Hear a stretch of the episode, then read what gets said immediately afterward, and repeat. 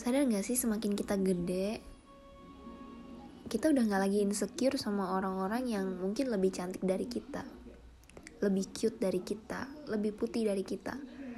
Tapi lebih insecure sama mereka yang punya wawasan luas attitude bagus positive vibes bener-bener yang wah banget nih gitu sampai ada suatu titik di mana kamu tuh pengen jadi seperti mereka.